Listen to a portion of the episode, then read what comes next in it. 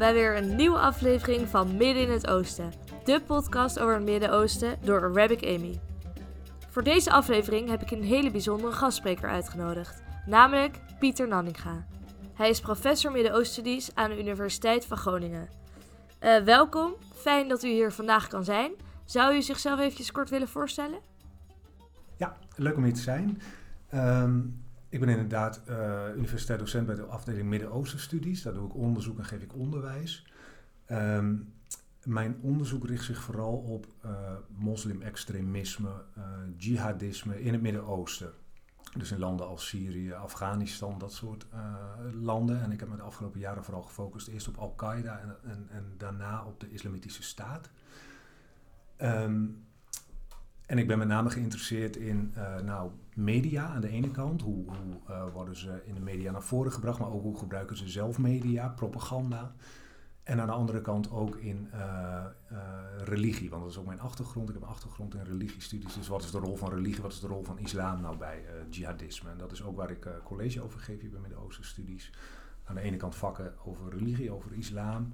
Aan de andere kant vakken over hedendaagse ontwikkelingen in het Midden-Oosten en met name conflicten en uh, jihadisme en dat soort zaken.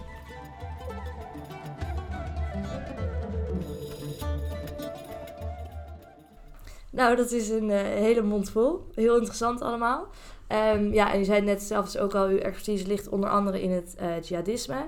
dus daar gaan we het vandaag ook over hebben. Maar we gaan het vooral over de Islamitische Staat hebben. Uh, waar zij vandaan komen, hoe zij er bijvoorbeeld nu voor staan en um, ja, termen die daarbij komen kijken, zoals uh, jihad. Um, nou, laten we gewoon maar meteen gaan beginnen. Omdat we het over geweld gaan hebben, uh, als we het over de is islamitische staat hebben, ben ik wel benieuwd hoe u erover denkt dat in de media en in het dagelijks leven eigenlijk uh, vaak het stereotype wordt benadrukt dat de islam een uh, gewelddadige religie is. Um, maar hoe en eigenlijk ook waarom denkt u dat dit beeld is ontstaan? Dat is meteen een heel ingewikkelde vraag, waar ook heel veel onderzoek naar is gedaan, waar heel veel mensen over hebben geschreven, over die relatie tussen islam en geweld. En het is inderdaad zo dat in het. Uh, in de publieke beeldvorming, in het publieke debat wordt islam natuurlijk vaak geassocieerd met geweld. Wordt vaak meteen gedacht aan al die conflicten in het Midden-Oosten, in Syrië, aan de islamitische staat, aan terroristische aanslagen hier in het Westen. Um, terwijl die relatie tussen islam en geweld veel complexer is. Um, dat is uh, zo in uh, de vroege islam al, dat is zo in de islamitische bronnen en dat is tegenwoordig nog steeds zo. De, de islam is niet een inherent gewelddadige godsdienst. Um, met islam kan je eigenlijk heel veel kanten op. Je kan de bronnen op heel veel manieren interpreteren. Je kan op heel veel manieren die islamitische tradities bekijken. En uh, gelovigen doen daar eigenlijk hun eigen ding mee. Dus ik, ik zeg vaak, hè, de, de, de, islam wordt zo gewelddadig geïnterpreteerd als, als gelovigen dat zelf doen. De gelovigen geven vorm aan de islam. En ze hebben dat de afgelopen eeuwen op heel veel verschillende manieren gedaan. Um, dat islam in de beeldvorming toch heel erg met geweld geassocieerd wordt, heeft natuurlijk ook te maken met de gebeurtenissen in het Midden-Oosten. Ja. En wij zijn in het Westen vaak geneigd om het Midden-Oosten, de moslimwereld, door de bril van de islam te bekijken. En heel erg de islam eruit te pakken als soort van verklaring voor wat er aan het Midden-Oosten aan de hand is. Terwijl die conflicten, jihadisme, terrorisme in het Midden-Oosten veel meer oorzaken hebben dan de islam alleen. Hè. Je, moet ook, je moet ook kijken naar uh, de lokale contexten. Bijvoorbeeld de manier waarop staten in het Midden-Oosten zijn gevormd. De dictators die daar aan de macht zijn gekomen. Um, dus ook politieke oorzaken, culturele oorzaken en allerlei andere factoren zoals etnische conflicten. Uh, tribale stammenverhoudingen spelen een rol. Dus um, religie is een van de factoren die een rol speelt, maar dat moet je altijd zien in samenhang met andere factoren. Ja, dat is uh, zeker waar. En ik denk ook dat mensen maar moeten onthouden dat er eigenlijk niets is in de islam dat het gewelddadiger maakt dan bijvoorbeeld het christendom of het jodendom. En natuurlijk dat uh, de mooie aspecten en kanten van de religie vaak niet in de media worden laten zien. Om de islamitische staat beter te begrijpen, is het van belang om eerst het begrippen jihad en jihadisme te verhelderen. Het is nogal een breed begrip, maar wat wordt er precies bedoeld met jihad? Jihad is een term die komt al uit de vroege islam. En uh, in het publiek publieke debat wordt dat vaak vereenzelvigd met uh, heilige oorlog, heilige strijd. Maar eigenlijk is die term jihad veel breder en betekent jihad letterlijk inspanning. En daarmee wordt bedoeld een inspanning voor het goede, voor de islam en een inspanning tegen het kwaad. Dat is dus heel breed, want je kan je op heel veel manieren inspannen voor de islam. Dat kan je doen door, uh, door uh, zelf een vroom leven te leiden, proberen een zo goed mogelijk moslim te worden en te strijden tegen zondige neigingen in jezelf. Hè. Dat wordt wel de innerlijke jihad genoemd. Daarnaast heb je ook vormen van uiterlijke jihad, dus proberen de islam ook buiten jezelf te verspreiden. Dat kan ook op allerlei manieren. Dat kan bijvoorbeeld door prediking, maar dat kan ook door de jihad van het zwaard, zoals dat in de klassieke islam wordt genoemd. En daarmee uh, komen we in de buurt van een uh, door, door God goedgekeurde, gesanctioneerde strijd voor de islam. Een strijd tegen ongelovigen.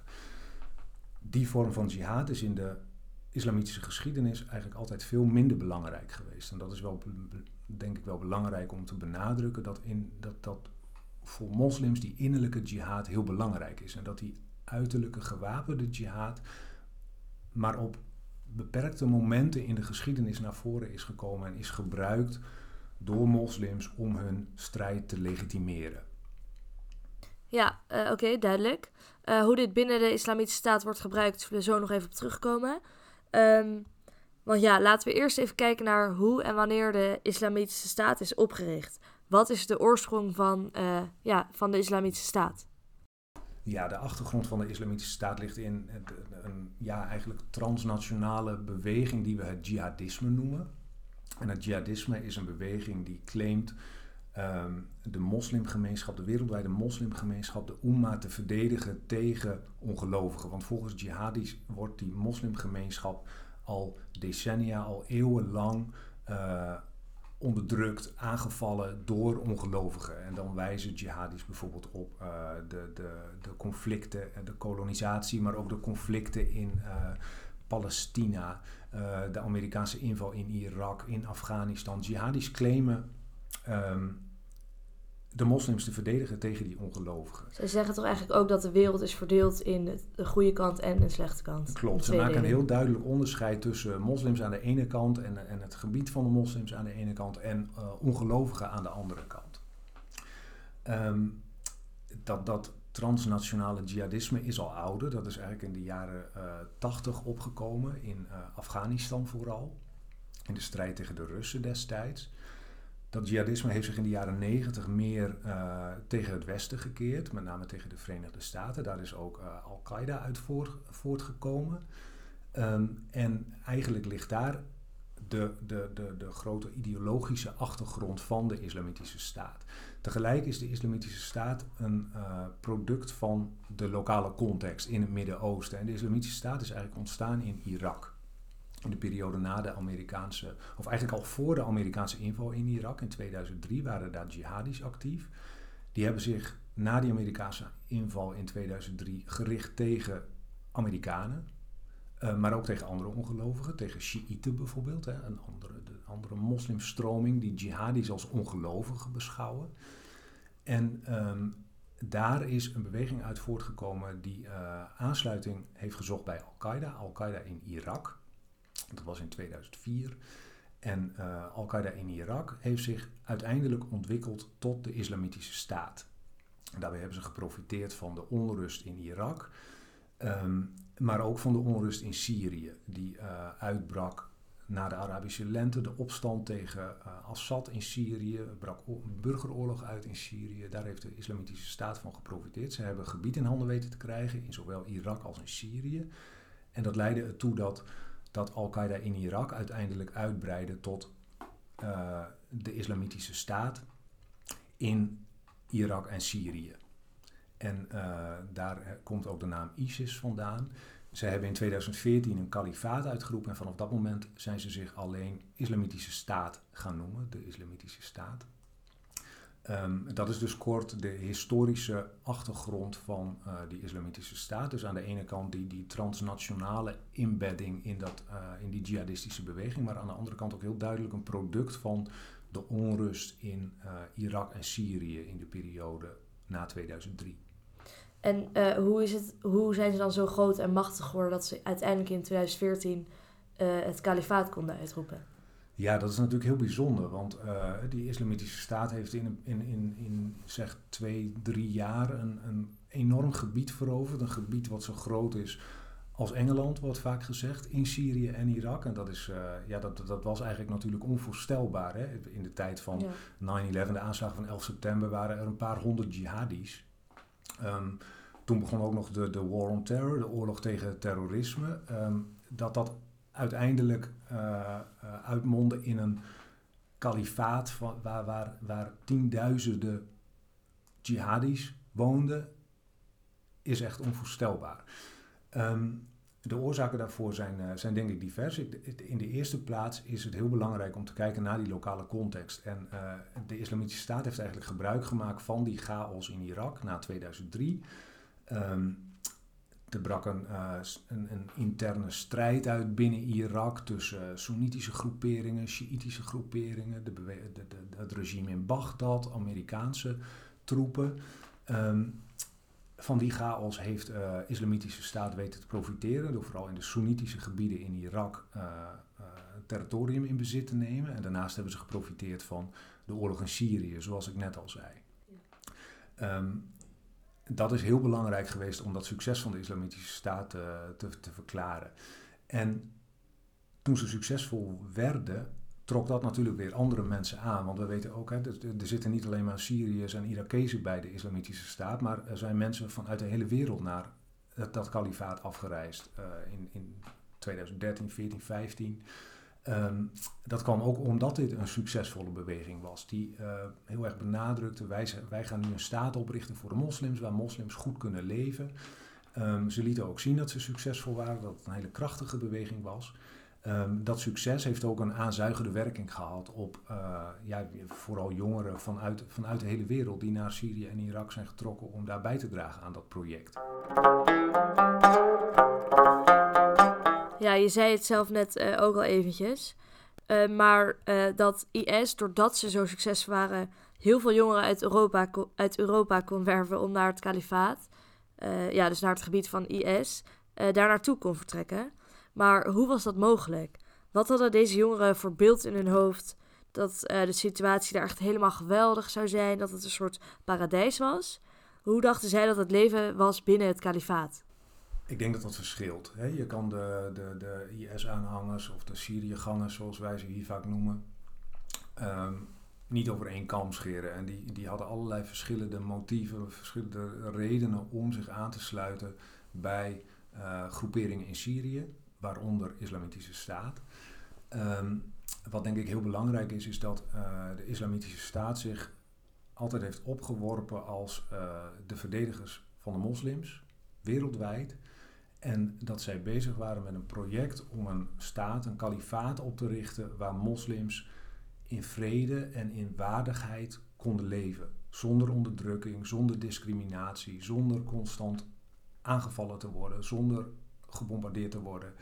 Um, dat project van de Islamitische Staat is denk ik uh, die, die, die boodschap van de Islamitische Staat is denk ik belangrijk om, om te begrijpen wat jongeren in die beweging kunnen zien. Um, want deze boodschap kan aantrekkelijk zijn voor jongeren die zich uh, bijvoorbeeld gediscrimineerd voelen, die zich buitengesloten voelen hier in Europa, in Nederland, uh, die het idee hebben dat ze er niet bij horen, dat dit niet hun wereld is. Dit kan ook aantrekkelijk zijn voor jongeren die wonen in de moslimwereld. Want uh, wij, wij focussen ons vaak op de westerse Syriëgangers natuurlijk. Maar er zijn nog veel meer jongeren naar Syrië, Irak gegaan vanuit de moslimwereld. Vanuit landen als Tunesië, Egypte, Saoedi-Arabië. Um, ook voor die jongeren kan zo'n boodschap aantrekkelijk zijn. Omdat zij uh, als, als uh, misschien vrome moslims het idee hadden dat ze niet voor, voor uh, dat, ze, dat ze niet meetelden, dat ze geen kansen hadden in hun landen, of dat hun overheid seculier was en ze zich daar niet thuis voelden. Um, die islamitische staat bood voor dergelijke jongeren een nieuwe gemeenschap, hè, een soort broederschap. Dat is ook zo'n heel belangrijk thema. Hè. Het, is ook, het is ook een soort band of brothers, een vriendengroep, um, waarin, waarin ze zich thuis kunnen voelen. En ook een manier voor hun om betekenis te geven aan hun leven. Het idee dat zij bij kunnen dragen aan dit fantastische project wat helemaal aansluit bij de islam, hè, in hun gedachten, in, in, volgens de propaganda van IS. Ehm, in, uh, dat zij bij konden dragen aan, aan dat project wat door, door God is goedgekeurd, wat door God is bevolen zelfs maar. Ehm, en dat zij alleen maar, hè, Syrië was vrij makkelijk te bereiken, dat ze alleen maar een uh, ticket naar Turkije hoefden te kopen, de grens over te steken. En dat ze dan onderdeel waren van dit project, wat, wat echt een, in, in hun beleving vaak een, een historisch project was um, voor, voor de islam.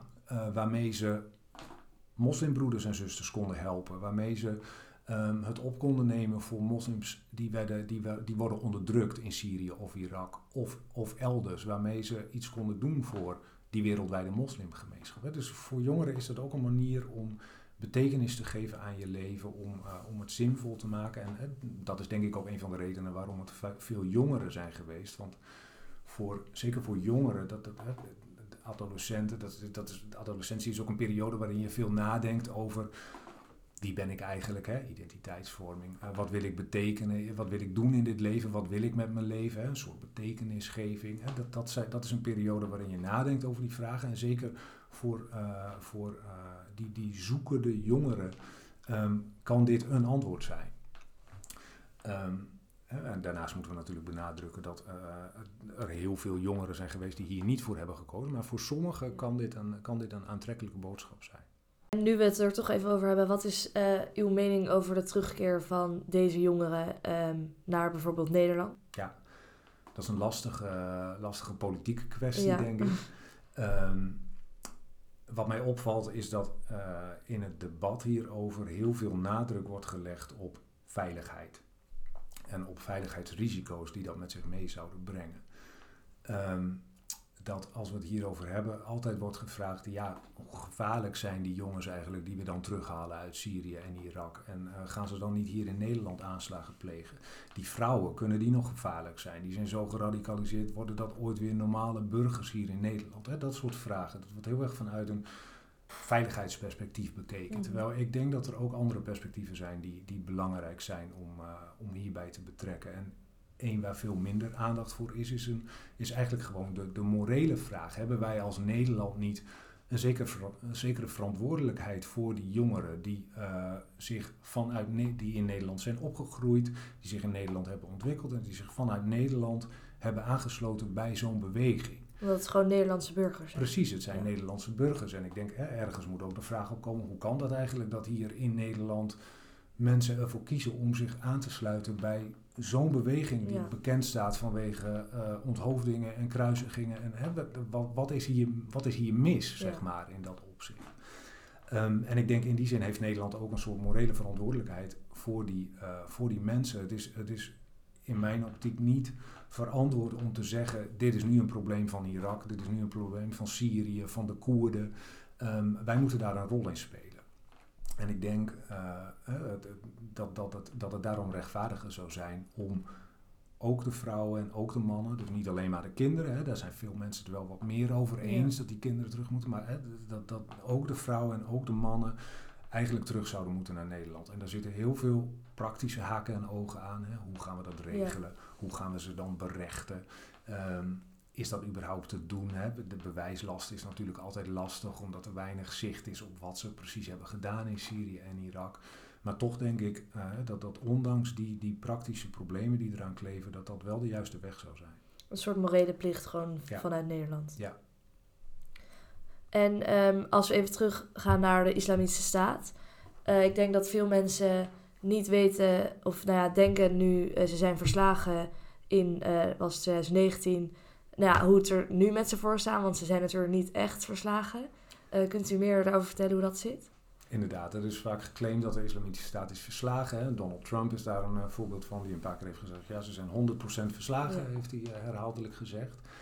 Um, het is zo dat de islamitische staat zijn, zijn vaste grondgebied in Syrië en Irak is kwijtgeraakt. In 2019 inderdaad, hè, toen viel die laatste enclave in Syrië. Um, maar daarmee is de islamitische staat niet weg. In de eerste plaats de beweging is er nog steeds. Um, die beweging is nou meer ondergronds. zit nou meer in afgelegen gebieden in Syrië en Irak, maar is ook nog steeds actief in andere landen. Hè. IS heeft ook afdelingen, provincies noemden ze dat zelf, uh, opgericht in uh, landen als Nigeria, in uh, Afghanistan, Libië, Egypte, hè, de Sinaï. Um, daar zitten ze nog steeds, maar ook in Syrië en Irak zijn ze nu weer meer een ondergrondse beweging. Um, en ze zijn als ondergrondse beweging ook nog gevaarlijk. Um, ze plegen nog veel aanslagen. Hè, dat zijn meer terroristische aanslagen of meer guerrilla-achtige operaties, hit-and-run acties, waarbij ze een uh, legerpost overvallen en zich dan weer snel terugtrekken. Dat soort, uh, dat soort, dat soort activiteiten.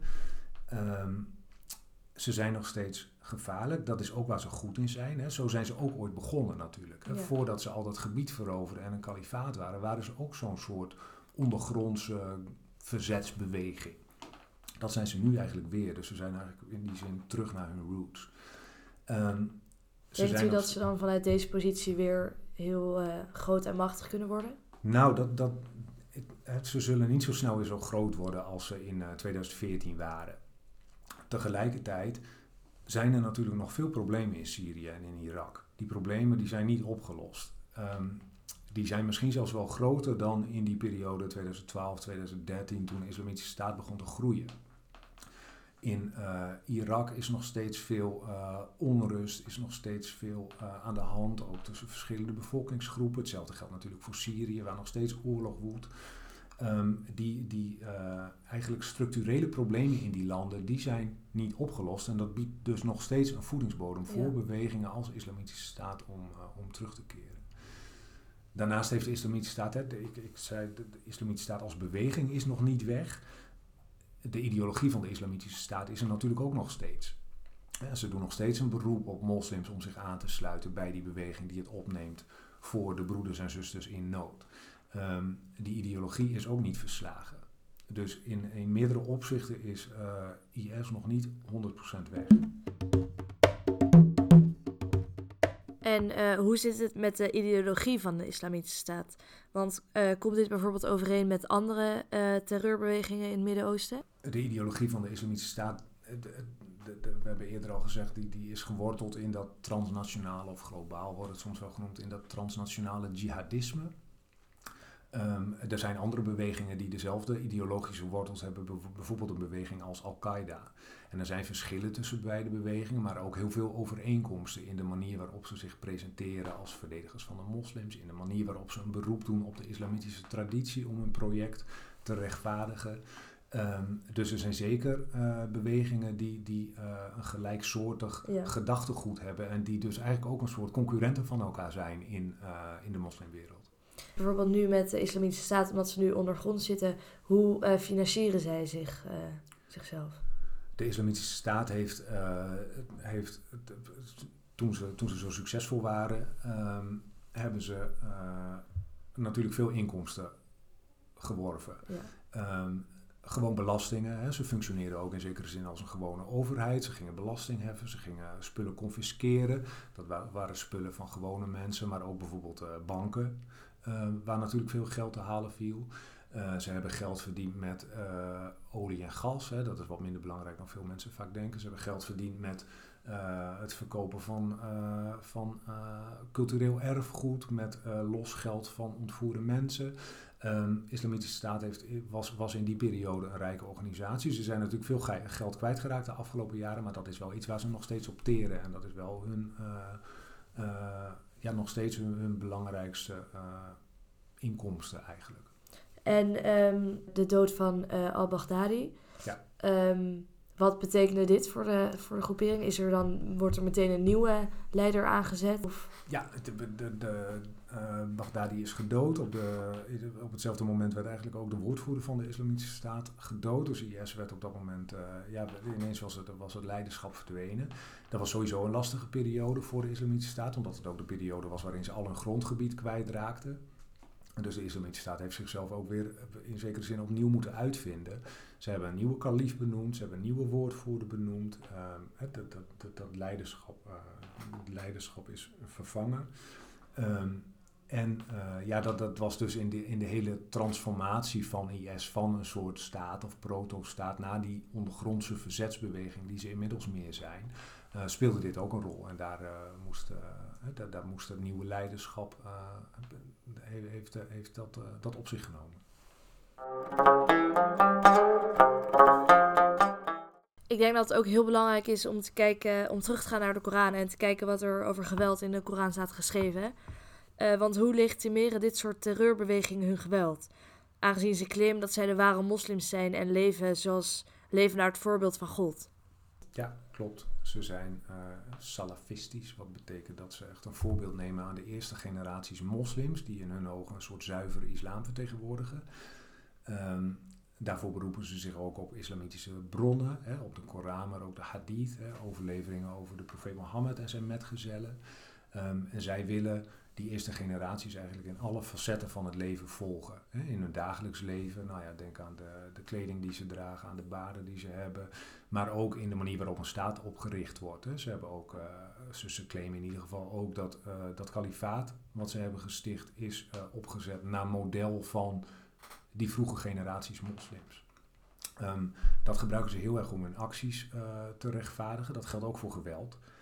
Um, in de vroeg-islamitische teksten wordt natuurlijk ook gesproken over geweld. Hè, want die gaan over een periode waarin de islam opkwam, waarin de islam uitbreidde. Die gaan over veldslagen die de profeet Mohammed heeft gevoerd. Die zijn uh, uh, metgezellen en zijn opvolgers, de eerste kaliefen, hebben gevoerd. Um, de Koran bevat heel veel teksten. Verreweg de meeste gaan niet over geweld, sommige wel. En die worden inderdaad gebruikt door uh, jihadis om hun geweld te rechtvaardigen.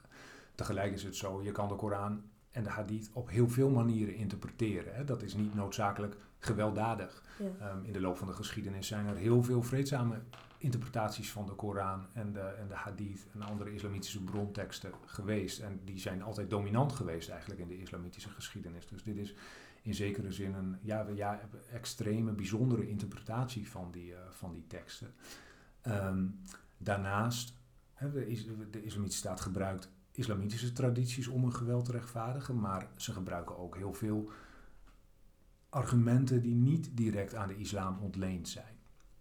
Um, ze wijzen heel vaak op de politieke situatie in de wereld, op uh, onderdrukking door regimes in het Midden-Oosten, op uh, imperialisme vanuit het Westen, op de rol van de Verenigde Staten en andere landen in conflicten als die in Irak en Afghanistan. Uh, Israël en de Palestijnen wijzen ze vaak op. Dus ze gebruiken islam om hun acties te rechtvaardigen, maar ook heel veel niet direct religieuze argumenten om uh, hun geweld goed te praten en, en, en, mensen te motiveren geweld te plegen. Vanuit de islamitische wereld, wat is het algemene beeld over, de, over IS? IS, dat zijn uh, volgens de meeste moslims geen moslims. Dat ja. zijn terroristen die, de, die, de, die, die, islamitische teksten misbruiken, verdraaien, verkeerd interpreteren, die zich uh, slecht verhouden tot de islamitische traditie de afgelopen eeuwen, dus vanuit de moslimwereld is er enorm veel kritiek op de islamitische staat. Ook vanuit theologische hoeken zijn uh, uh, moslimgeleerden die uh, verklaringen hebben geschreven tegen de islamitische staat, theologisch onderbouwde uitspraken van rechtsgeleerden waarom islamitische staat verkeerd bezig is. Um, er is enorm veel verzet tegen de islamitische staat in de moslimwereld. Nou, ik denk dat we nu genoeg informatie besproken hebben over jihad, jihadisme, de oorsprong van de islamitische staat. Dat mensen niet moeten denken dat de islamitische staat nu verslagen is, maar dat de beweging nog ondergronds blijft doorbestaan. En de ideologie hiermee natuurlijk ook. Um, ik hoop dat er verhelderingen zijn ontstaan. En um, ja, heel erg bedankt dat u hier wilde zijn vandaag.